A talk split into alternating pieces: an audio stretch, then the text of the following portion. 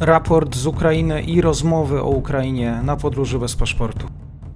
Dzień dobry Państwu, dzień dobry wszystkim słuchaczom. Codzienne raporty z frontu z Markiem. Dzień dobry, kłaniam się. Witam Mateuszu, pozdrawiam widzów i słuchaczy. Przepraszamy za ostatnie jakieś może niedogodności dźwiękowe, ale to nie wynika czasami z naszych błędów, ale jakość internetu albo bliskość do różnych czynników zewnętrznych, więc e, przepraszamy. Mam nadzieję, że tutaj uda nam się porozmawiać e, bezproblemowo. Marku, widzę, że mapa na Zaporożu.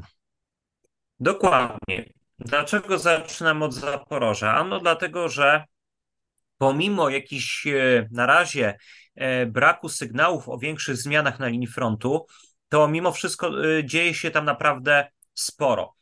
Przede wszystkim zacznijmy od tego, jak wygląda sytuacja po rosyjskiej stronie. Czy mamy tam do czynienia z jakimś entuzjazmem, czy też nie? Pojawiają się sygnały przeciwne lub może umiarkowane.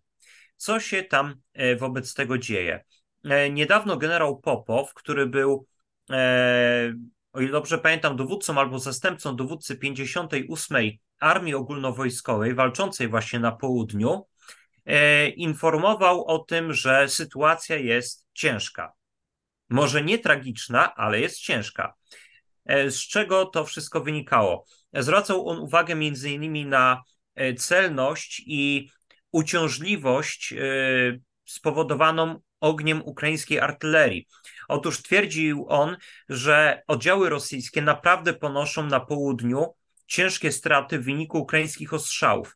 No, prawdopodobnie chodzi nie tylko, do, nie, o, nie tylko o strzały klasyczną artylerią, ale z pewnością chodzi też o nie, e, ostatnie ataki rakietowe, chociażby w Berdiańsku, gdzie e, Rosjanie naprawdę ponieśli bardzo ciężkie straty, chociażby w wyniku ostrzału hotelu Duna, który był wykorzystywany przez okupantów jako koszary.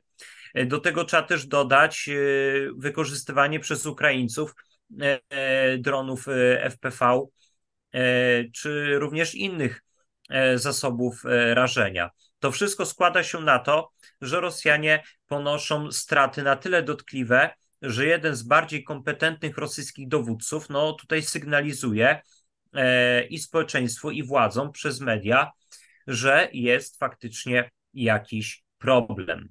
E, y, co tutaj jeszcze można dodać, jeżeli chodzi o tą e, sytuację na południu? Otóż przede wszystkim e, ma się stale pogarszać sytuacja Rosjan pod wsią Robotynę. I tutaj, jak widzimy, drodzy Państwo, tutaj ta strefa, która jest potwierdzona jako kontrolowana przez stronę ukraińską, ona ciągle się zbliża do wsi Robotynę, ale również i do wsi e, Werbowe. Ten wyłom e, na linii frontu coraz bardziej się po prostu e, poszerza i z podobną sytuacją mamy do czynienia też w rzeczywistości i w rejonie wsi Piaty Chatky. Tutaj też warto dodać jedną rzecz. W kilku różnych punktach wzdłuż całej tej linii frontu mieliśmy też do czynienia z takimi niewielkimi bądź co bądź, ale jednak rosyjskimi kontratakami, które ostatecznie e, nic nie dały. E, warto być może będzie spytać takiego e, pana z Lublina o imieniu Petr, tak się przynajmniej przedstawia, co z tym wielkim uderzeniem na Hulajpole. Czy no, są w końcu jakieś sukcesy, bo on sygnalizował duży atak, ciężkie straty po stronie ukraińskiej. No, czekamy, kiedy e, Hulajpole wpadnie w ręce Rosjan, a armia zapewne się podda. No, ale tyle żarty. Odchodzimy od tematu lubelskiego. E, na moment e, przejdźmy do tematu walk na odcinku doniecko-awdijiwskim. Tutaj uporczywe ataki Rosjan przede wszystkim na samą Awdijiwkę, ale również czasem na Pierwomajskie, Newelskie, no i rzecz jasna na Marinkę, która jest w zasadzie dzień w dzień strefą y, walk. E, tutaj Rosjanie e, utrzymują inicjatywę, e, atakują ukraińskie pozycje i wczoraj miał miejsce dość udany rosyjski atak, który doprowadził do wyparcia żołnierzy ukraińskich spod Wodianego oraz spod Opytnego i nawet y, część rosyjskich oddziałów próbowała uderzyć w kierunku wsi Łastoczkinę. No, tak naprawdę oni do Łastoczkinę nawet nie doszli. Jak tutaj Państwo widzą, mamy po prostu otwarty teren, poprzecinany takimi pasami zieleni, krzewów, drzew. Tutaj widzimy również strumień. Po prostu oni zostali ledwo co wyszli z tych świeżo odbitych pozycji i zostali po prostu odparci jeszcze na tym terenie. A w Diwce na razie nic nie zagraża.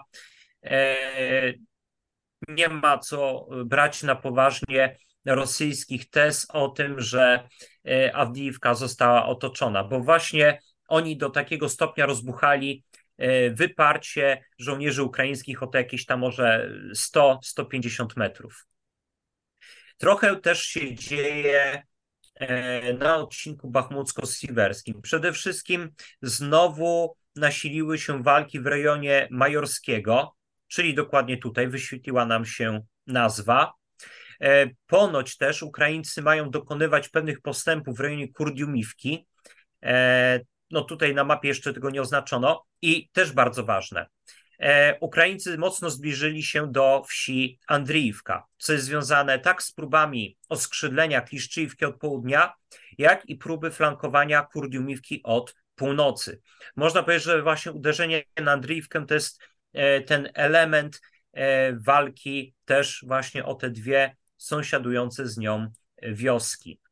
Jeżeli chodzi o rejon Berchiwki, to tutaj, no niestety, ale na razie nie mamy jakichś większych przełomów. Rosjanie próbowali podjąć się wczoraj większego kontrataku, który miał wyprzeć Ukraińców tutaj z tego terenu na południowy zachód od Berchiwki, ale ten atak skończył się niepowodzeniem. Rosjanie ledwo wyszli z Berchiwki i zostali przygwożdżeni ogniem. Według ukraińskich doniesień mieli oni przede wszystkim najwięcej rannych, mniej zabitych. To jest też właśnie takie ciekawe, bo przeważnie te rosyjskie ataki kończyły się tym, że ten stosunek zabitych do rannych, no tak naprawdę nie był wcale taki duży. Czyli chodzi o to, że dość nietypowo liczba zabitych i rannych bywała niekiedy przybliżona. Co jeszcze możemy powiedzieć o tym tutaj rejonie bachmucko-siwerskim? To przede wszystkim to, że Ukraińcy nadal naciskają w kierunku Jakowliwki oraz Soedaru. Próbują po prostu jeszcze bardziej wykorzystać te ostatnie sukcesy, które polegały na wbiciu się bliżej tych dwóch miejscowości. Próbują po prostu wykorzystać ten moment. No i tutaj trzeba też wspomnieć o tym, co się dzieje na odcinku słobożańskim. A tutaj wiele wskazuje na to, że Rosjanie zaczynają wykorzystywać elementy pierwszej armii pancernej gwardii, czyli tej armii, która miała być taką, można powiedzieć, rezerwą operacyjną. I tutaj okazuje się, że niektóre oddziały z dywizji, które wchodzą w skład tej armii, już są stosowane. Czy jednak te zastosowanie tych oddziałów doprowadziło do jakiegoś wielkiego przełomu albo odwrotu wojsk ukraińskich? No nie. Okazuje się, że jedyne, co się na razie Rosjanom udało, to zbliżenie się do wsi torskie. Też tutaj trzeba podkreślić, że Ukraińcy w wyniku jednego z kontrataków zdołali troszeczkę Rosjan odsunąć i jak na razie mamy do czynienia z sytuacją, w której ten front tutaj stoi w miejscu. Bardzo intensywnie atakowana była wieś Nowoseliwskie, ale tutaj Ukraińcom, wiele przynajmniej na to wskazuje, udało się obronić i wieś nadal się znajduje w ich rękach. Ponadto również tutaj możemy jeszcze ewentualnie dodać, że poza pierwszą armią pancerną gwardii, to na tym odcinku słobożańskim walczy też 20 Armia Ogólnowojskowa Rosyjska, no i też pododdziały z innych związków operacyjnych. Także tutaj warto podkreślić też to, że akurat odcinek słobożański jest dość solidnie przez Rosjan nasycony i żołnierzem, i sprzętem. Można powiedzieć, że nawet dość pozytywnie tutaj się to ta sytuacja rosyjska wyróżnia na tle innych odcinków, innych rosyjskich zgrupowań, które walczą na Ukrainie, ale właśnie o dziwo albo na szczęście, no tutaj nie dostrzegamy na razie żadnych większych zmian. Poza tym też warto dodać jeszcze jedną rzecz. Jeżeli Rosjanie zaczynają angażować nawet elementy pierwszej armii pancernej gwardii, to znaczy, że rzeczywiście może się zacząć u nich dziać coś nie tak, a ukraiński plan polegający na sprowokowaniu Rosjan do szybszego wykorzystania rezerw, zaangażowania ich w walki. Nie chodzi o to, żeby one były koniecznie wykrwawione. Chodzi o to, żeby one się po prostu związały walką. Jeżeli ten plan rzeczywiście działa, to być może za jakiś czas e, zobaczymy zastosowanie ukraińskich rezerw e, i być może jakieś większe przełomy na innych odcinkach. E, I tutaj warto też dodać jeszcze jedną rzecz. Pomimo takich trochę średnich doniesień ze szczytu e, wileńskiego, szczytu NATO, e, no tutaj chodzi przede wszystkim o to, że NATO jednak nie odważyło się na to, aby szybciej przejąć Ukrainę, tutaj nawet w miejsce mapu, czyli planu działań na rzecz członkostwa Ukrainy, wymyślono inny system, który wbrew pozorom nie jest od mapu lepszy, no to wszystko w dużej mierze zasługa nacisków niemieckich, e, to mimo wszystko jednak nie widać e, tutaj jakiejś powiedzmy blokady, jeżeli chodzi o dostawy broni dla e, sił obrony Ukrainy. Prawdopodobnie skalpy od Francuzów, czyli te rakiety będące odpowiednikiem brytyjskich Storm Shadow są w drodze albo być może już są w rękach ukraińskich.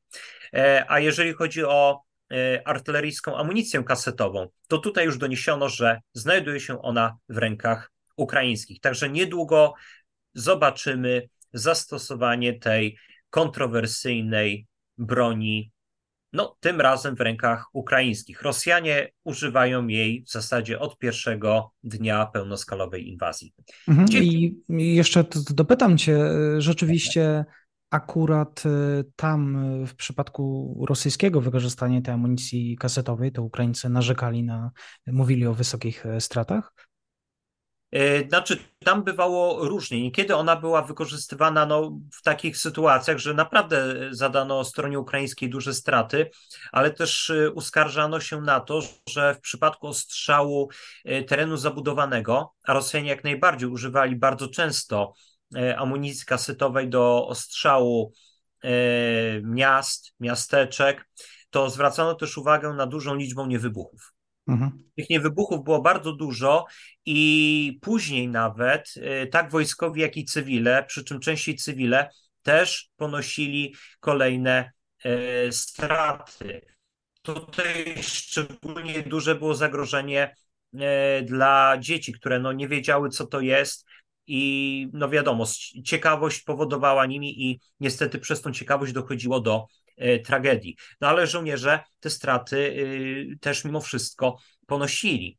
E, inna tylko sprawa jest też taka, że na froncie e, w początkowych miesiącach inwazji Rosjanie też wykorzystywali i tą standardową amunicję artyleryjską, jak i tą kasetową, groźniejszą, no w sposób też nie zawsze udolny. Pamiętamy, że oni wtedy prowadzili taki trochę ślepy ostrzał obszarowy e, i no na szczęście marnowali wtedy ogromne ilości amunicji. E, także no można powiedzieć, że e, no ten ostrzał amunicją kasetową on był w jakiś sposób odczuwalny, bez dwóch zdań, ale prawdopodobnie nie okazał się na tyle dotkliwy, E, jaki mógłby być, gdyby Rosjanie po prostu tą amunicją rozporządzali mądrzej, gdyby e, wykorzystywali ją e, inaczej.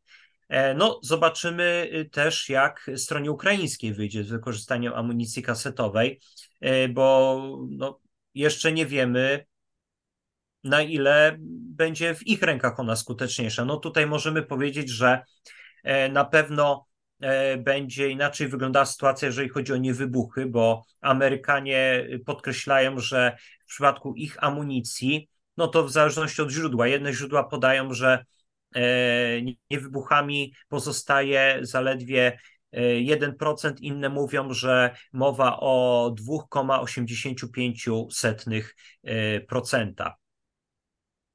Przekonamy się, jak to będzie. No wiele zależy od tego, jak po prostu też Ukraińcy będą sprawnie tą amunicję wykorzystywać. Bardzo dziękuję Marku za kolejny raport. Kłaniam się. Do usłyszenia. Ja również kłaniam się. Pozdrawiam serdecznie wszystkich.